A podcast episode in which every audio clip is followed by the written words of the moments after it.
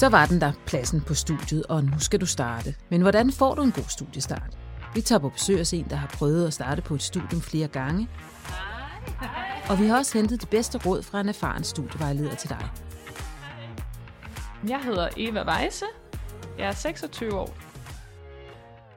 Og jeg læser lige nu en kandidat i bæredygtigt design på Aalborg Universitet, som jeg har et år tilbage af. Regner med at færdiggøre i 2022, efter jeg lige har taget et års barsel lige om lidt. I 2014 der øh, blev jeg optaget på medicinstudiet øhm, og startede der på vinterstart i februar efter sådan et halvt sabbatår. Kan du huske, at du så meddelelsen tække ind om, at nu var du optaget? Hvad tænkte du så? Jeg var i New York på det tidspunkt, da man fik øh, optagelsesbrevet. Jeg blev rigtig, rigtig spændt og glad og nervøs også for at skulle starte helt nyt sted. Det der med at skulle møde så mange nye mennesker, det synes jeg er tit forbundet med, med rigtig meget sådan ængstelighed og nervøsitet. Jeg forventede helt sikkert, at det ville være rigtig hårdt fagligt, at der ville være helt vildt meget arbejde og læsning og ting og sager, man skulle have styr på. Og så samtidig med den her sådan omstilling med, at man skal møde så mange nye mennesker og også få et socialt netværk samtidig med at lave alt det her hårde arbejde. Allerede før studiestart, så var der en, øh, en Facebook-gruppe faktisk, hvor alle de kommende studerende ligesom var grupperet sammen, så der kunne man allerede sådan forberede sig lidt på, hvad det er for nogle typer, man sådan kom til at, at læse sammen med. Ja, der kigger man lige ind på nogle folks profiler, og sådan, åh, hvem, er, hvem er de her mennesker, munden, og kommer jeg til at, at kunne sammen med dem.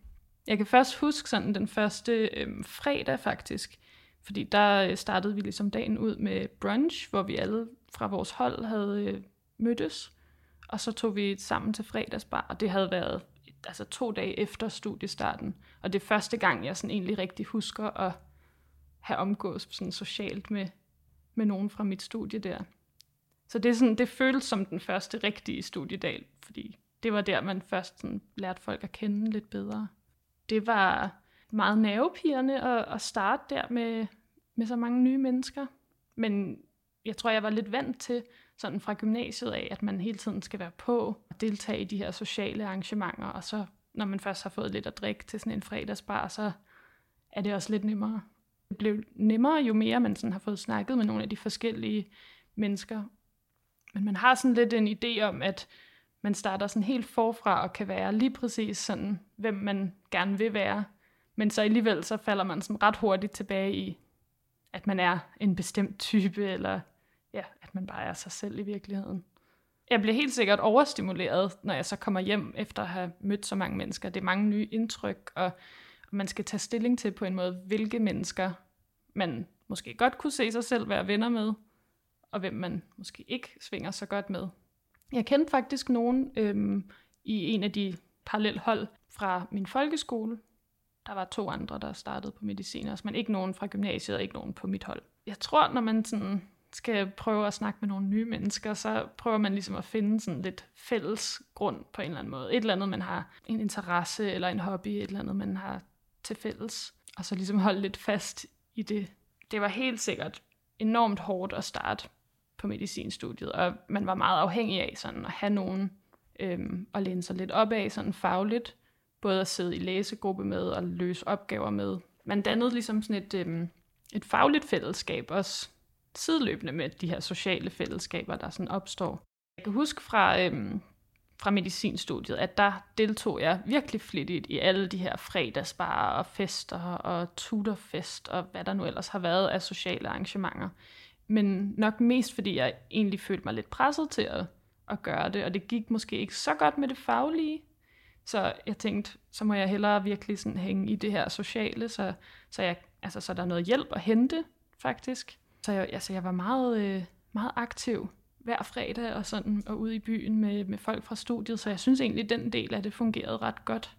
Men jeg tror bare ikke rigtigt, at jeg hørte til på det studie, så man føler sig også ret hurtigt udenfor, når det så går op for en, at det måske er det forkerte studie. Fordi folk er jo altså elvilde med det. Der opstår sådan et fagligt fællesskab, kan man sige. Ikke? Og, og hvis man ikke rigtig, hvis man ikke interesserer sig for for eksempel humanbiologi, så er det jo ikke noget, man kan snakke om med de andre. Og det er bare sådan en ting, som folk så ligesom griber tilbage på. Altså hvis der ikke er noget andet at snakke om, så kan man ligesom altid snakke om de faglige ting, man har til fælles. Og hvad man nu lige har lavet her i den sidste lektion. Og det er ret svært, når man sådan ikke føler, at man er så meget med i det faglige. Så mister man faktisk også lidt en del af sådan den sociale forbindelse. Der gik ikke så lang tid på medicinstudiet, før at øh, det gik op for mig, at jeg egentlig dybest set overhovedet ikke interesserede mig for biologi. Og det var egentlig ret problematisk, når man skal have det i mange år. Og så var jeg meget fortvivlet over, om jeg skulle droppe ud, eller om jeg bare skulle kæmpe. Det gik ret hurtigt op for mig, at sådan, det virkelig, virkelig ville være en hård kamp, og måske ville det lykkes, men måske er det også bare bedre at lægge den drøm på hylden, og så finde på noget andet at lave med mit liv. Det er helt vildt svært, når andre tydeligvis viser entusiasme for, for indholdet i de fag, man har, og man selv bare dybest set synes, det er super kedeligt. Så altså, det tog ret lang tid faktisk for mig sådan virkelig at kunne erkende, at det nok bare ikke var for mig, og det er okay. Jeg tog hen og besøgte min gamle gymnasielærer, og det var faktisk hende, jeg sådan primært snakkede om, øh, om det her med studieskift og sådan, og hvad, hvad jeg alternativt ville kunne lave. Og det var faktisk hende, der foreslog et studie ud på Aalborg Universitet, der hedder Bæredygtigt Design, som minder rigtig meget om, om det, jeg lavede i gymnasiet på min studielinje der. Og så endte jeg med at tage på en enkelt besøgsdag, og så var jeg sådan, det er fint, det prøver vi. Og så søgte jeg, og så lykkedes det. Og så fik du en helt ny studiestart. Nu kom vi så, til, kom så til at få to studiestart i virkeligheden. Prøv at tage os med ja. til den anden studiestart så. Jeg havde taget et helt sabbatår efter medicin, fordi jeg lige havde brug for fuldstændig pause fra at læse. Jeg havde arbejdet i kanalrundfarten, og så havde jeg været fire måneder i USA. Og da jeg så øh, kom hjem for det første, så kom jeg en uge for sent hjem. Det vil sige, at jeg missede faktisk hele den første uge af studieopstarten på bæredygtigt design. Hvilket var meget angstprovokerende, fordi når man så kommer ind en uge for sent, så tænker man bare, åh oh shit, altså alle kender jo allerede hinanden, og har ligesom skabt de der første sådan vigtige relationer, og man, man er bare virkelig langt bagud. Jeg kan huske, jeg kom ind øhm, i lokalet første gang, og jeg satte mig bare aller, aller længst bagerst i lokalet, og bare prøvede at holde virkelig lav profil, og sådan vente på, at der måske var nogen, der lagde mærke til, at jeg lige pludselig var der, og ikke havde været der i en hel uge, frem for sådan at skulle introducere mig selv for et hold på 50 mennesker. Så at holde lav profil var min plan. Hvordan gik det med den plan? Det gik udmærket. ja, altså sådan, det var, det var meget mere stille og roligt at starte op øh, anden gang, fordi jeg tror, jeg havde nogle lidt andre forventninger til det her studie. Jeg havde på en måde gjort det lidt mere sådan klart for mig selv, at jeg var kommet her for at få en uddannelse og for at lære en masse ting, og ikke så meget for det sociale. Altså sådan, hvis jeg fik nogle venner med i købet, ville det være så dejligt, men først og fremmest var det altså uddannelsen, jeg ligesom kom for.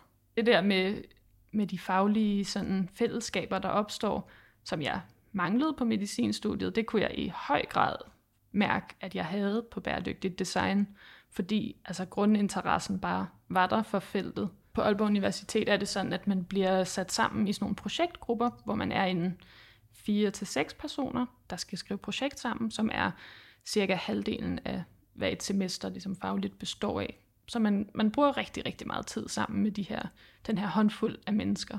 Når man så sidder og spiser frokost, så sidder man i sådan nogle fysiske nicher, altså ligesom nogle fysisk afgrænsede rum, hvor man så bare sidder med de fem mennesker, man er i gruppe med. Hvilket jo også faktisk socialt skaber en masse tryghed, fordi så skal du ikke tage stilling til 50 mennesker på én gang, men måske bare lige nøjes med at lære de her fem mennesker at kende, hvilket jeg synes var en enorm rar måde at, sådan at tilgå det på. Man skal øhm, opveje med sig selv, hvad for nogle forventninger man har.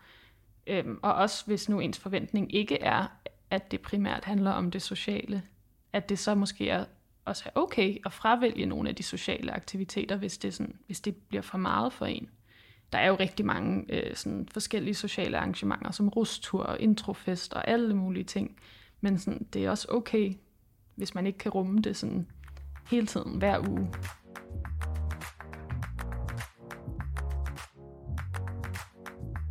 Da jeg startede på bacheloren i bæredygtigt design, der synes jeg alligevel, altså når man, når man ikke tog til fredagsbar og fester og sådan nogle ting, så kunne folk godt finde på at, at stille spørgsmålstegn ved det, og sådan, åh, ej, hvad skal du da i morgen, og sådan, hvorfor, hvorfor drikker du ikke, og sådan, fordi det bare er så naturlig en del af vores kultur også, sådan, at man, at man drikker, og man skal tage til alle de her fester, og sådan, der er på en måde et pres på en. Men jeg føler sådan, jo ældre man er blevet, jo mere acceptabelt er det også blevet sådan at melde sig lidt, lidt ud af det.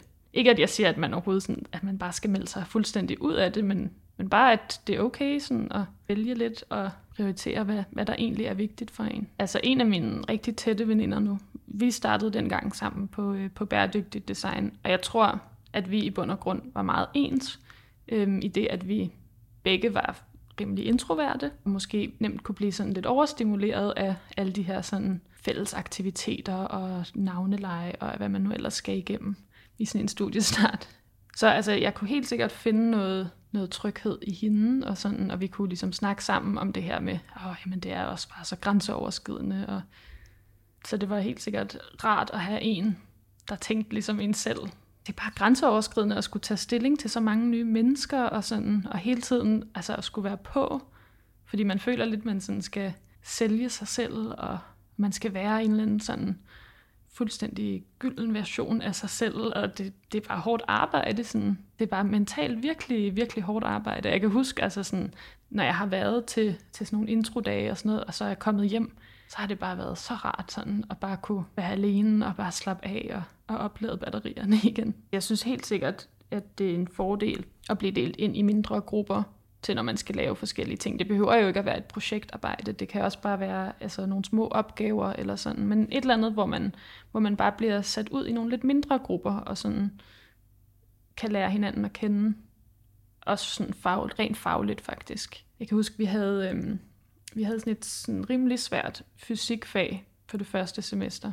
Og der var det bare mega vigtigt, at man fandt sig en god gruppe at læse op til det her sammen med, fordi ellers var det virkelig, virkelig hårdt at, at skulle komme igennem. Men er det ikke også der, hvor man kan komme til at stå og sådan tænke, finder jeg jo nogen at være sammen med, som, som kan hjælpe med at løfte mig, eller jeg kan altså, få mm. udfoldet mit potentiale. Det er lidt ligesom at stå i en gymnastiksal ja. øh, og skulle vælges til, til ja. volleyball, ikke? Man ved jo heller ikke, hvem der er gode til fysik, hvem man sådan skal prøve at hægte sig på, men altså i bund og grund står man jo alle sammen i den samme situation. Der er jo ikke nogen, der på den måde har forudsætning for at være meget bedre end andre. Altså alle har den samme gymnasielle baggrund, og mere eller mindre i hvert fald.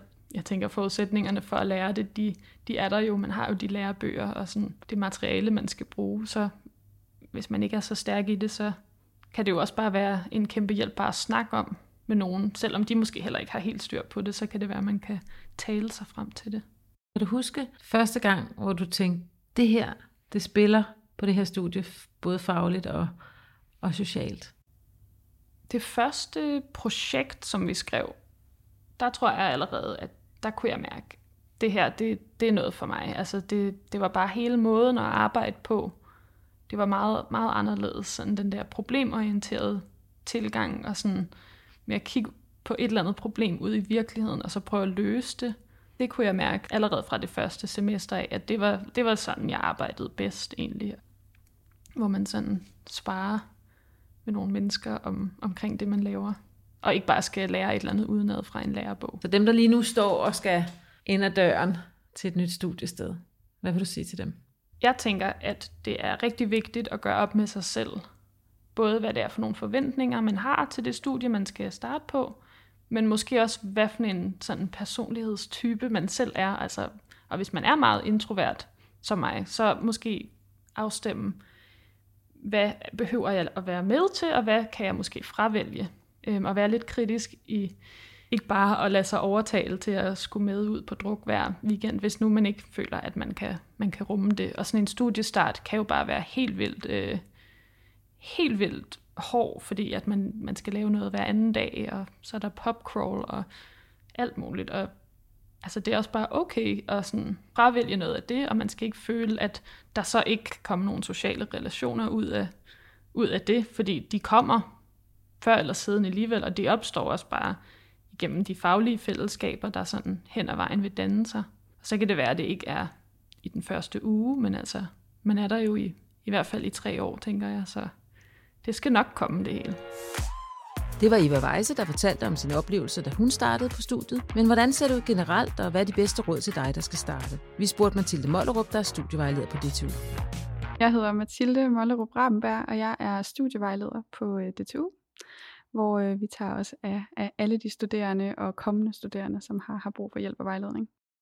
De udfordringer, vi ser, øh, dem, dem kan der være mange af, og de kan være forskellige. Vi har et, et stort og blandet optag af studerende på DTU. Vi har dem, der kommer direkte fra gymnasiet, nogen, der har været ude på nogle sabbatår, og, øh, og de studerende, som måske har haft et praktisk arbejde i mange år. En af de udfordringer, vi, vi særligt ser, det er det faglige niveau. Vi har rigtig, rigtig mange studerende, som altid har været super gode til matematik. De har måske været de bedste i deres klasser. Pludselig kommer de på øh, Danmarks største øh, matematikkursus med, med mere end 1000 studerende, og der er rigtig, rigtig mange, der har været de bedste til matematik altid. Så der kan man virkelig blive overrasket. Jeg tror for mange bliver de også skuffet, når de kommer og oplever, at det faktisk ikke var helt det, de havde regnet med. Så det faglige niveau er noget, vi ser kan være en udfordring for de studerende. Det praktiske kan være, kan være en udfordring. Hvor ser du dit schema? Hvor finder du dine øh, eksamenslokaler? Hvor er dine kursusgrupper? Alt muligt forskelligt. Der er mange systemer, og det er vigtigt at sætte sig ind i, hvor man kan finde svarene. Det ser vi også, at de studerende kan slå sig på, ikke at kende reglerne eller vide, hvor de kan finde dem. Typisk er, er det, de studerende siger, når de, øh, når de har de her faglige øh, udfordringer, jamen det er, jeg er ikke god nok, jeg skal ikke være her, eller jeg hører ikke til her. Det er det, vi kalder en fejlslutning, at man tænker, jeg er kommet lidt bagud, eller jeg synes noget var svært, så jeg hører ikke til her. Og det er ikke godt at få den følelse, fordi jo, det gør du. Du er optaget på din uddannelse, og det er din uddannelse. Så der er det rigtig, rigtig vigtigt, at man får sagt det højt, enten til sin vektor, som vi kalder en, en tutor her på DTU, eller en, kommer til studievejledning, eller tager fat i en underviser. Det vil være en typisk kommentar, at sige, at jeg er ikke god nok, jeg bør ikke være her. Det vil vi sige til, til en studerende, som, som kommer til os, som, øh, som møder udfordringer, det er lige at prøve at, at prøve at stoppe op og trække vejret og sige, hov, hvad er der sket? Hvordan kom du hertil? Og hvad er det, der er ved at ske? Prøv ligesom at finde ud af, hvor er det udfordringer opstået. Er det i det faglige, så kan det jo være at sige, godt, skal du sætte noget ekstra tid af til at kigge i dine fagbøger øh, eller i dine tekster? Er det ind og kigge lidt i den der kursusbeskrivelse, hvor man kan, kan læse om, hvad er det, det her kursus skal kunne give dig? Hvad skal du kunne til en eksamen? Er der en eller anden kode, vi kan hjælpe med at, at knække? Vi vil ofte med det faglige, og det spænder jo også lidt ud i, i alt det andet, der foregår i sådan et studieliv, måske prøve at se på et ugeskema. Skal vi simpelthen få et overblik over dagene? Godt, du øh, kan godt lide at være social, men måske har du brug for lidt ekstra tid til det faglige. Hvordan kan vi så skrue op og ned for de forskellige komponenter? Det kan også være, at der er noget job, der skal passes, men er det muligt for eksempel at skrue, at skrue lidt ned for det i en periode, hvor der er studiestart, eller der er noget andet, der skal bruges lidt ekstra tid og energi på? Man kan forberede sig på sin studiestart ved rent faktisk at forberede sig. Sæt tid af til at sætte sig ind i, hvad er det, der kommer til at ske det er her, man skal, skal lande i sin, øh, i sin uddannelse, og det er jo i det praktiske, hvad er det for nogle systemer, vi bruger, hvordan ser campus ud, hvor er kantinen osv. Så, så er det det sociale. Hvem er dine vektorer? Skal du arbejde i grupper den første dag? Hvad, hvor mange er optaget? Altså prøv at sætte sig ind i, hvad er det, der møder en der. Og så er der det faglige. Ind og kigge i din studieordning. Hvad er det sådan, der står ikke gennemlæse den nødvendigvis, men lige orientere dig i den. Hvad er det for nogle kurser, du har på dit første semester? Og sådan nogle ting. Der vil være rigtig, rigtig meget, man, man undrer sig over, og som ikke nødvendigvis giver mening. Men bare det, at man ligesom har åbnet op for nogle af de ting, eller gået ind på sin studentermail, eller læst sit optagelsesbrev, godt og grundigt igennem. Gå ind på de sider, der bliver linket til. Altså simpelthen at forberede sig, bruge det materiale, man har fået, og så sætte tid af til sin studiestart og, og prioritere den. Det er en, en, en stor overgang for mange, hvad end man kommer fra at starte på en universitetsuddannelse. Det er helt sikkert en anden selvstændighed, det kræver at, at læse på et universitet og læse en universitetsuddannelse. Det er, at den enkelte studerende, der er ansvarlig for, i hvert fald på DTU, at planlægge sin uddannelse. Hvad er det for nogle kurser, du skal tage? Hvornår?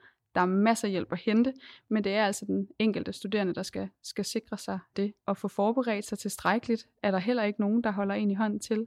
Det er også noget, man selv skal gå ind og arbejde med. Og det er ikke noget, man lærer den første dag eller den anden dag. Det tager tid, og det er okay.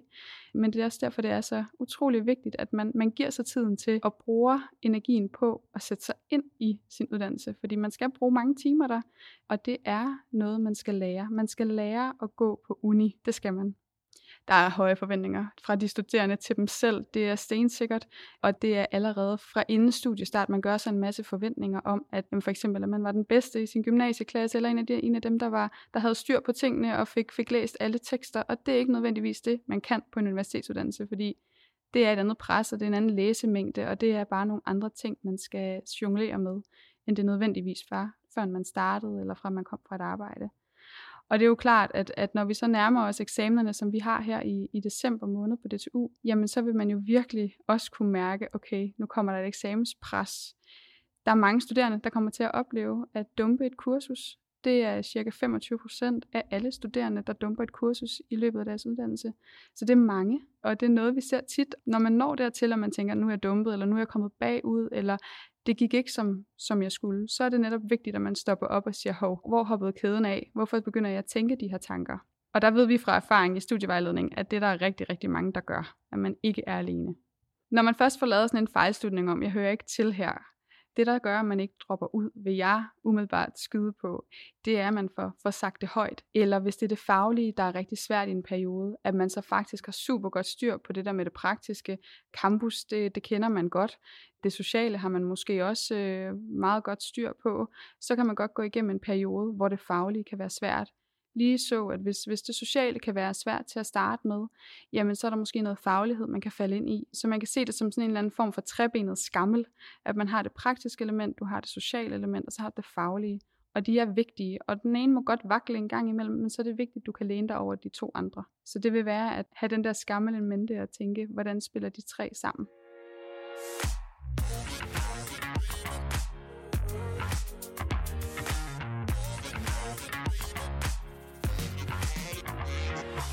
Jeg tror, der er mange studerende, som tænker, at, at man starter, og så kører man jo bare derud af. Men det er en vigtig pointe, altså at jo, du skal lære en hel masse faglighed, du skal lære en masse matematik og fysik, og hvad det nu er, du har, har valgt at, at søge ind på. Men du skal også lære at være studerende på et universitet, og det tager tid. Hvordan forbereder du dig bedst? Der er jo masser af læseteknikker, notatteknikker, man kan dykke ned i, som, som kan hjælpe en på vej. Brug de tilbud, der er prioritere dem, kom afsted.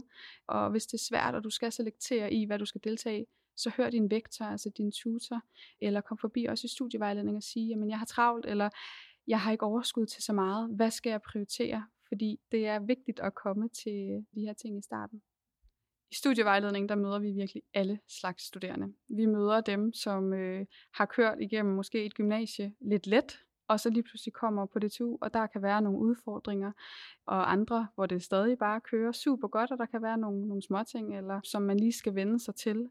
Vi møder dem, som har været ude og arbejde, øh, have et praktisk arbejde i mange år, og lige pludselig skal jonglere mellem et familieliv og en uddannelse, øh, hvor, hvor man måske er nogle år ældre. Dem har vi også. Vi har øh, mænd, og vi har kvinder fra, fra slut teenageårene til godt op i årene. Vi, vi har virkelig mange studerende der er ikke nogen særlig type, som har, har ekstra udfordringer øh, i, i studiestarten.